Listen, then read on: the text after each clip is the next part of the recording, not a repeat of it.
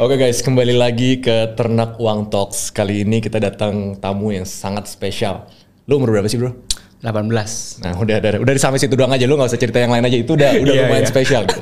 Nah tapi di sini tuh gue mau agak sedikit beda nih. Kayaknya gue mau uh, sekarang tuh banyak banget anak muda di bawah umur 20 tuh udah gila-gila dibanding dulu gue umur 20 tuh kerjaannya cuma main game doang. Hmm.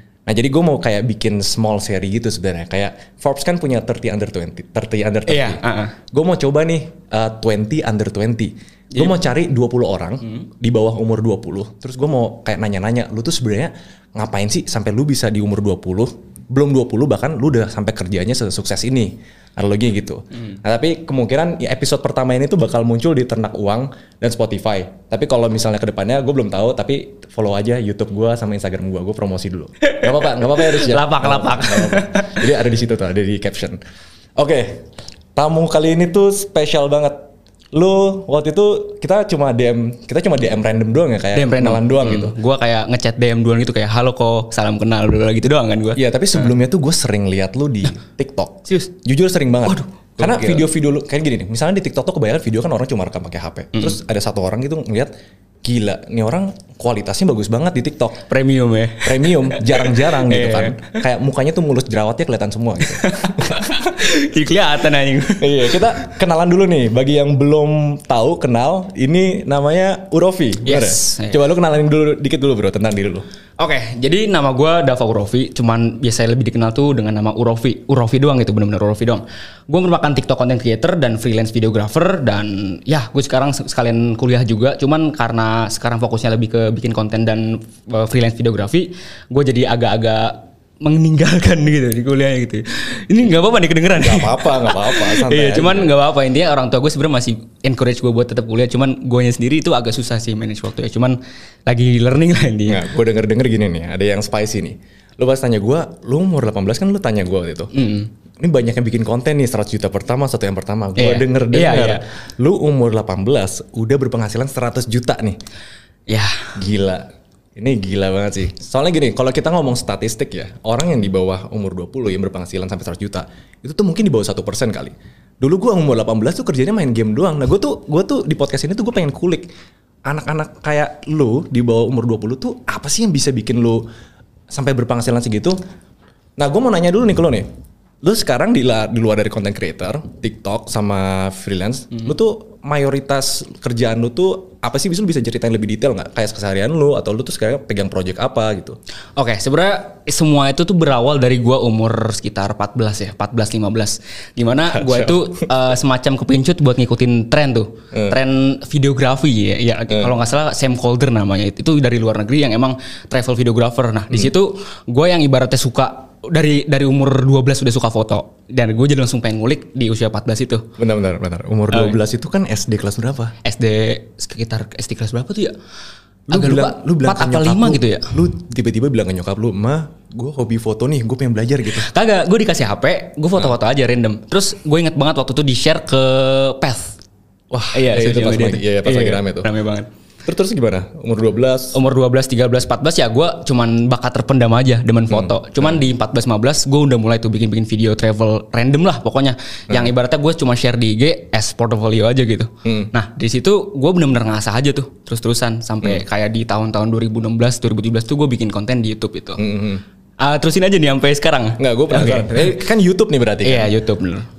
YouTube pas video pertama lu, lu ngepost apa sih? Terus kayak berarti itu awal karir lu, let's say pas pertama kali lu post Yes. YouTube. Bisa cerita nggak?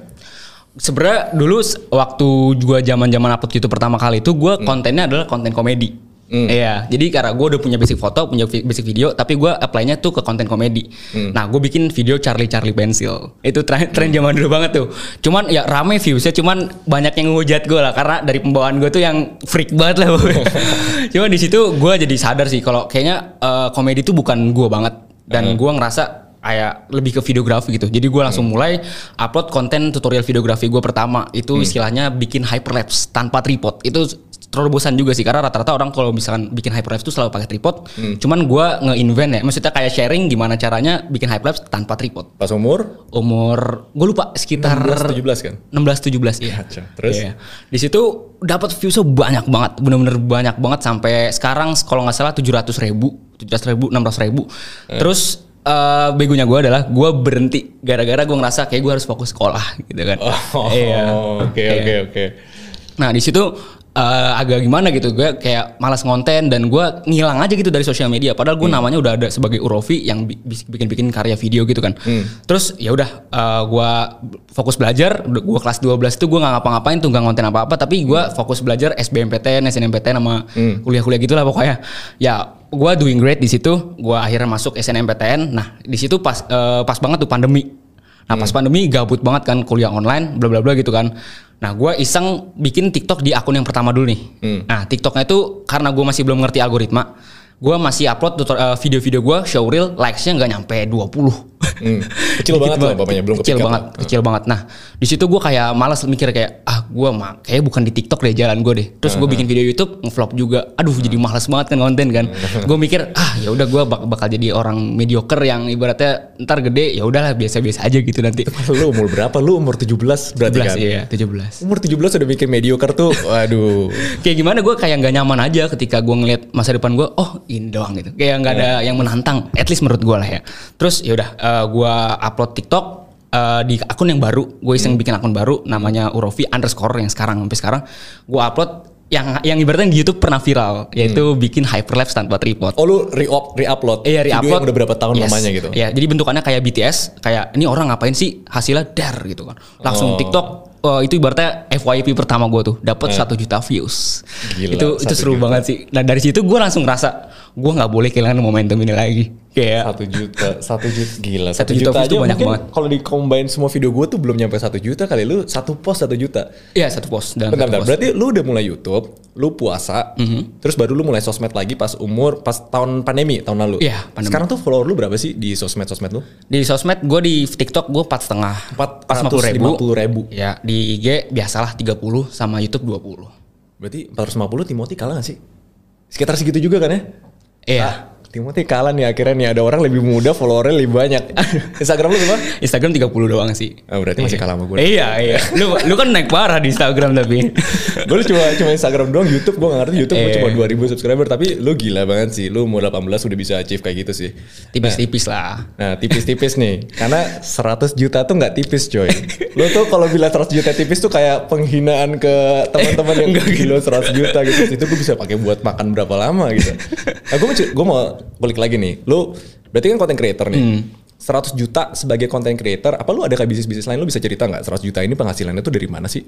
Eh, kalau gue bisa bilang dari content creation tuh 80%. Mm-mm. Nah, dan dari 20% tuh sebagai gue sebagai freelance videographer. Jadi gue kan emang basicnya freelance videographer, nah emang gue udah ngulik bisnisnya juga. Nah biasanya eh, money yang datang ke gue tuh melalui content creation yang ada kaitannya dengan videografi itu. Oh. Contohnya kayak kemarin gue baru aja kerja sama sama brand mobil salah satu yang besar di Indonesia, dan itu kontribut juga tuh.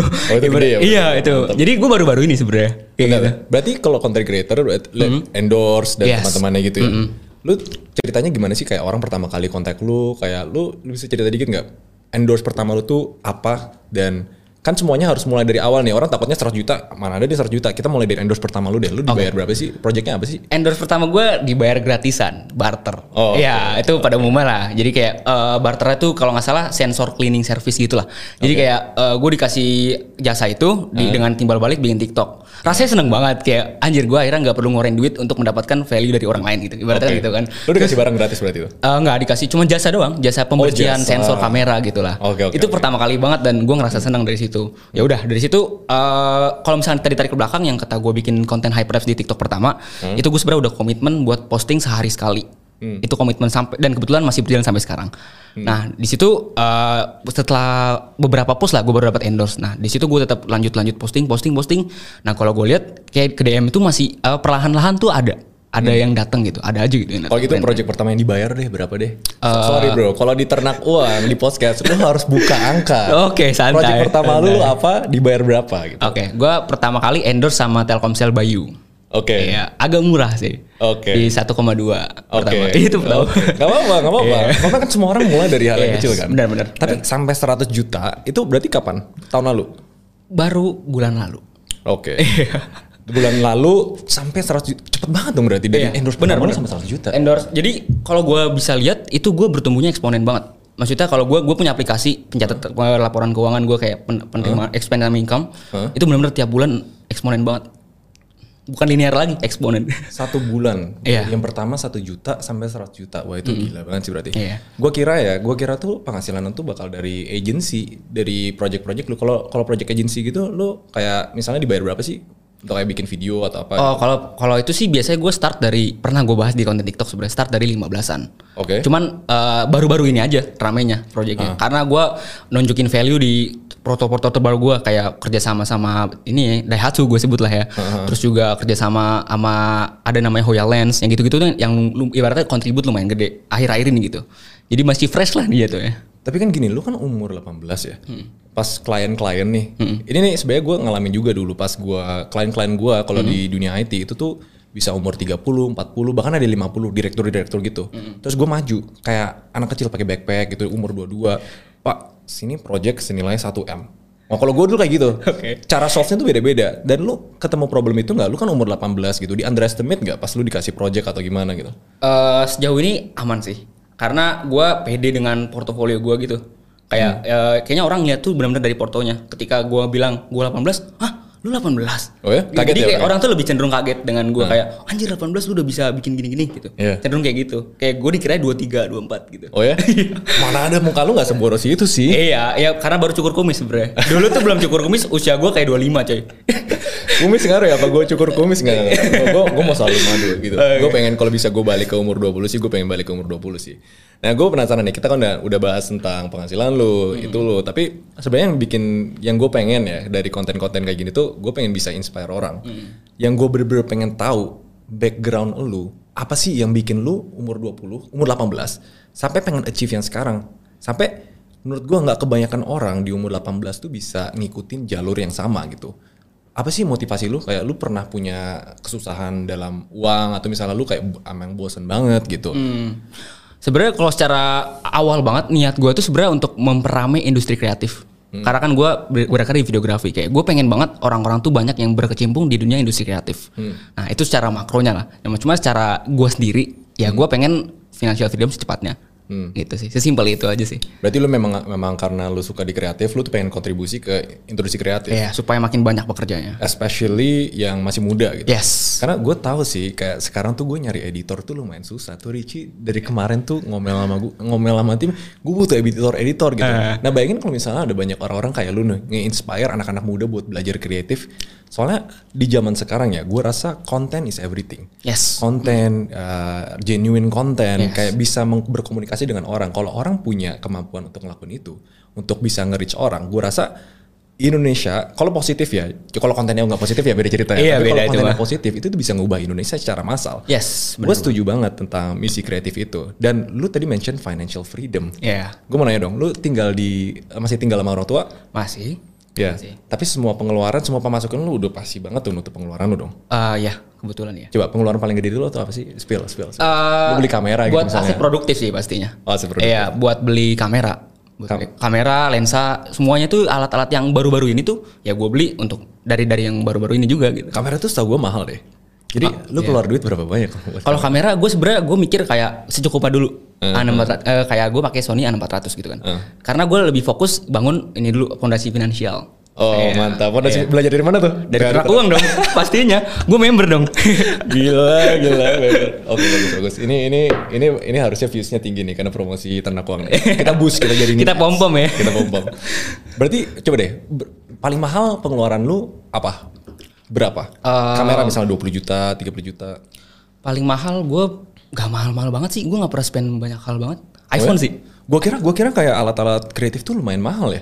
Mahal tapi gue eh, pelan-pelan belinya. Kemarin aja kita Hmm. syuting ya, materi kreatif pakai Black Magic berapa harganya? Agia kan ya?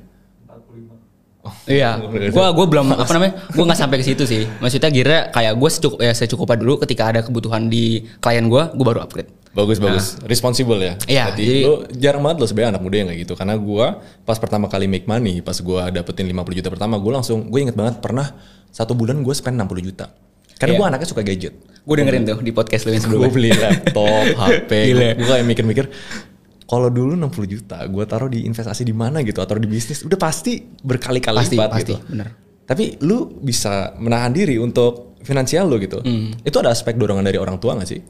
Enggak sih sebenarnya kesadaran gue sendiri aja sih. Kayak gue nggak mau eh, sekarang seneng, sekarang hahaha hura-hurain, terus ntar gede gedenya tuanya baru miskin gitu. Kayak Oke. gue nggak mau. Mending gue sekarang simple simple dulu aja nih penampilan gue kayak gue nggak mau spend hal-hal yang ibaratnya bersifat depresiatif nggak mau gue. Kayak ya udah, gue maunya yang produktif dan emang biasanya untuk long term tuju- tujuannya. Itu gue gue bisa bisa safely say ya, kalau anak seumuran lu Mhm. yang udah financially aware tentang aset-aset produktif, aset konsumtif, Mhm. kayak ngerti finansial keuangan, kayak cash flow dan lain-lain itu tuh dikit banget gitu. Tapi oke gini deh, orang tua lu op- beropini punya opini nggak terhadap lu jadi content creator? Soalnya kan gue tahu nih kalau misalnya lu umur 18, lu kuliah berarti. Iya, kuliah gue. kuliah bagi waktunya dan lain-lain kayak lu masih harus fokus kuliah dong Iya, benar. atau lu harus fokus content creator oh, nyokap lu tuh punya opini gak sih terhadap itu Eh, bilangnya gini sih, maksudnya jalanin aja terus ini. Yang penting kuliahnya jangan ditinggalin. Simpel itu penting sih. kuliahnya jangan ditinggalin Iya. kalau suatu hari bisnis lu gede banget gitu akhirnya lu harus kayak full time fokus lu lu bakal ngapain sih bakal kayaknya bakal eh ibaratnya ambil bikin obrolan sih. Ya, Kayak, harus diobrolin eh, kan. Bu, kayaknya perlu ini deh gitu maksudnya. karena ini menurut gue ya ini bukan bukan masalah hitam putih jadi Hmm. Iya. sebenarnya nggak ada yang salah nggak ada yang benar Yes. kalau misalnya suatu hari soalnya gini gue nggak mau orang tuh mendewa-dewakan ceritanya Mark Zuckerberg Hmm. mendewa-dewakan ceritanya Bill Gates di mana mereka uh, drop out terus orang ngikutin tuh mereka aja drop out gitu Iya. tapi sebenarnya kasus drop out itu nggak sehitam putih itu mereka drop out bukan drop out dari sekolah ecek-ecek pun mereka dari Harvard Iya. dari mana dan pas mereka drop out mereka tuh punya security atau keamanan bahwa bisnis yang mereka bangun itu akhirnya bisa sustain mereka even sampai sekarang Iya. tapi kan nggak semua orang tuh punya hal itu. Kalau misalnya gue tanya ke lu nih, seberapa yakin lu tentang karir lu untuk ngebangun content creator, seberapa konten bisnis, lu bisa jawab nggak seberapa 100% yakin lu nggak bakal gagal gitu? Eh, kalau gua rasa sih sebenarnya gua nggak mau mikir ke situ sih sebenarnya lebih ke gimana caranya gue bikin ini sustain aja. Nah, Jadi kalau gagal enggaknya ya at least gua masih punya pondasi finansial untuk ibaratnya nge nge-backup itulah. Cuman ketika itu ya gua gue sekarang pendekatan pendekatan mikirnya adalah gimana caranya bi- bikin hal ini tuh sustain. Ya dengan cara ya tadi salah satunya mungkin gue dengan posting sehari sekali, dengan gue constantly belajar tentang content creation, terus cari kenalan-kenalan baru tentang yang ini semua gitu. Jadi kayak eh, gimana caranya gue bikin ini sepanjang mungkin gitu. Kalau gitu gini, pertemanan, Hmm. circle pertemanan tuh berubah nggak pas lu kayak cuma kerjaan nggak jelas, kayak main-main doang sampai sekarang kan lu gua asumsi lu 50% di atas waktu lu tuh produktif. Iya. Bener nggak? Iya. Teman-teman lu tuh berubah nggak sih? Kan tadi aspek keluarga gue mau nanya nih, teman-teman lu kayak waktu nongkrong lu gitu kan. Wah, gue sekarang nongkrong sebulan sekali. Serius? Iya, yang biasanya se- seminggu dua kali, tiga kali. Gue sekarang sebulan sekali. Sama sama kayak gue ya udah kita sama kayak gue. gue udah tas. Gila, karena gue sekarang kayak misalkan eh, ada nongkrong gitu. Aduh, gue ada deadline kerjaan endorse yang ini, atau mungkin kerjaan campaign yang ini itu, atau mungkin kerjaan revisi project komersial yang ini. Jadi kayak ada aja gitu. Dan itu emang sebenarnya kadang jadi tekanan gue juga buat gue karena gue kadang pengen ngerasa freedom juga untuk nongkrong sesekali lah paling enggak. Cuman waktunya malah jadi nggak ada. Nah itu lu merasa tertekan. Karena banyak orang bilang kayak gini Lu kalau masih muda Kenapa kerja keras banget sih? Kayak enjoy masa muda lu. Lu punya opini gak? Soalnya kan sekarang basically ya Berarti lu nge tukar waktu muda lu Untuk have fun have fun Dengan sesuatu yang produktif. Di kepala lu tuh apa sih Kalau kayak gitu? Kalau apa namanya kalau misalkan yang muda-muda tuh harusnya di spend buat yang senang-senang ya. Iya. Kalau menurut gue sih karena gue kan ibaratnya eh, di bawah lebih cepet banget kan. Hmm. Ya gue pengen nanti muda yang nggak tua-tua amat itu baru fun di situ. Oh jadi kayak lu pengen kebut sekarang Misalnya Iya. kalau bisa pensiun 24, 25, 20 Wah, udah iya. banyak banget Ah. itu kayak gitu ya Ah. Oke sekarang pertanyaan paling penting nih Untuk yang Soalnya untuk orang yang masih muda Bahkan orang tua tuh ada yang ngelarang gitu misalnya lu masih muda kayak lu belajar aja jangan kerja terlalu keras atau karena gimana lu butuh experience hidup lu butuh childhood tapi sebenarnya yang perlu ditanya itu orang tua kan kadang mereka kira itu yang terbaik buat anaknya gitu kan tapi sebenarnya kita yang harus bisa decide apa yang terbaik buat kita gitu masalah burnout masalah hustle culture baru banget gue post di Iya. Instagram cek di Instagram gue guys nah lu tuh seberapa happy lu di st- stage hidup lu sekarang di umur 18 berkarir nongkrong cuma sekali sebulan gitu Happy banget. Happy banget. Iya, karena kebetulan gue juga sebenarnya sehari-hari temenin gue ditemenin juga sama cewek gue. Oh, Jadi kayak gue oh, kalau lagi kerja tuh gue sebenarnya eh, kolan sama cewek. Berarti basically ya yang bikin lu kalau misalnya 18 nggak ada nggak ada waktu buat nongkrong, kalau nggak punya cewek, ya itu bisa problem juga mungkin, sih. mungkin sih. Gue bisa bilang mungkin. Jadi karena, ya karena jadinya jatuhnya ngefulfill kehidupan ngobrol gitu-gitu lah. Itu ya Oke. dia. Jadi kayak gue ketika lagi kerja lagi ngeditin itu ada dia. Dia- Jadi kayak ngeliat dia juga lagi ngelakuin kesibukannya juga.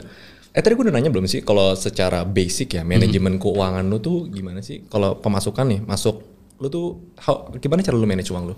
Kalau gue sih sebenarnya lagi ngusahain persenan sih kayak eh, 70% di RDPU karena gue lagi fokus membangun dana darurat.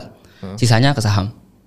Kacau. Ini ini ini baru namanya. Tapi orang tua lu nggak, lu nggak kasih ke duit orang tua. Lu urus sendiri gitu, lu manage sendiri. Eh, iya, benar-benar sendiri. Gila. Gila. Gua gua aja pas umur 25 tuh nggak nggak kayak gitu. Gua tuh nggak jelas duit gua ada di bank gitu. Nah, Nah, ini topik terakhir nih, segmen terakhir nih kalau untuk soalnya kan kita mayoritas demografi kita sebenarnya di orang-orang yang saham investasi sekarang tuh milenial sama Gen Z. Iya. TikTok mayoritas milenial sama Gen Z.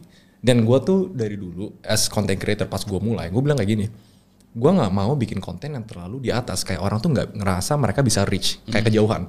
Gue pengen kita relatable. Karena tujuannya konten-konten kayak ini kan kita mau inspirasiin orang kan. Iya. Kita pengen, gue pengen kulik cerita lu biar orang lain tahu caranya tuh gimana, kayak step by stepnya gimana biar mereka bisa ikutin. Lu punya saran nggak buat anak-anak yang umur 20 ke bawah atau lu bisa ceritain values lu atau apa gitu yang lu rasa kalau misalnya lu pas dulu nih pas lu umur 15 itu lu ngerasa lu butuh denger gitu. Oke, sebenarnya lebih ke konsistensi sih. Konsistensi untuk ngasah apa pun yang lu suka. Jadi apa pun menurut gue bisa diduitin. Ah, Bener-bener apa pun. Dan ketika kita konsisten, kita punya skill set, kita punya uh, value di situ, gue yakin duit bakal datang sendirinya sih. Jadi untuk anak muda mayoritas advice lu adalah belajar konsisten. Ya, dan kalau dalam gue konteksnya kan posting TikTok lah, yang mana sebenarnya pada dasarnya gue tuh nge-reach out brand lah.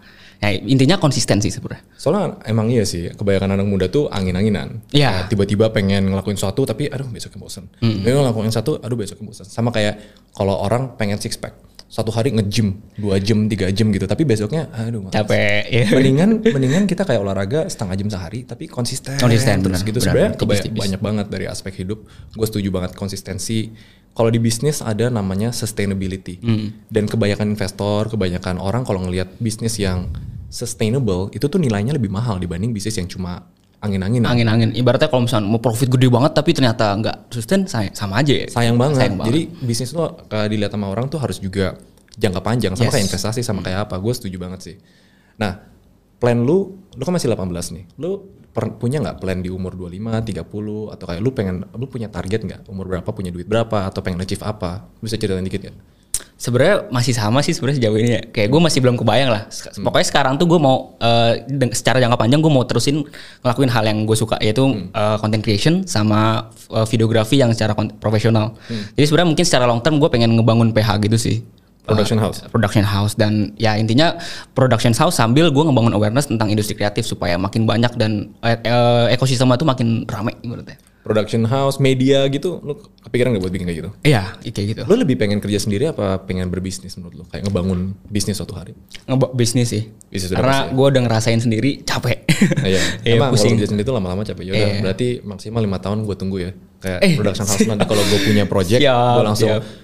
Rofi nih. Production house-nya paling bagus nih, gue inget banget. Alright. Kalau gitu, ini udah berapa menit sih by the way? Oke, kita udah denger cerita lumayan banyak nih. Gue rasa cerita lu tuh lumayan inspiratif banget. Gue jarang banget kayak lihat orang dulu ya di zaman gue ya. Gue jarang banget yang orang di bawah umur 20 tuh punya kesuksesan tuh kayak gini gitu. Menurut gue yang ber- ber- bikin berubah itu, ini menurut gue ya, itu TikTok, Ya. Instagram. Kayak semakin sosial media marak tuh mereka ngeliat kayak, ih ada orang lain sukses. Jadi gue terdorong gitu. Terdorong. Tapi on the other side, ada hal-hal negatif juga terdorong juga kan. Iya benar. Jujur ya, jujur ya, menurut gua uh, ada aspek-aspek anak muda tuh ada dua kubu. Ada yang kubu produktif, ada kubu yang menurut gua agak sedikit toksik. Hmm, hmm. Dan lu tuh lu gue lihat beberapa tuh ada juga yang kubu toksik tuh yang komen-komen video lu gitu. Cara lu ngerespon apa sih? Soalnya gue penasaran dari segi sana sih kan lu juga baru mulai content creator. Eh, kalau gue ada negatif komen sih, either gue diemin atau kadang gue balasin dengan yang ibaratnya bikin skakmat. itu sih Iya, ya karena gabut yang bocah muda dan emang biasanya pengen apa ya, pengen kelihatan ini aja savage apalagi tuh ya kadang gue balesin aja sih dan Oke. biasanya diam gitu Oke, sebenarnya sih dari konten 20 under 20 lah yang gue pengen bikin nanti kalian ikut YouTube sama Instagram gue. Kita bakal kulik. Gue gue suka banget. Gue dikasih kesempatan. Thank you banget bro buat bisa kulik insights lu, values lu, pengalaman lu. Yeah. Semoga jadi kayak konten-konten kayak gini tuh bisa lebih inspire orang, especially umur 20 udah bisa aware financial. Tadi gue nanya lumayan banyak dia bisa jawab masuk ke RDPU karena dia mau bangun dana darurat dulu Iya.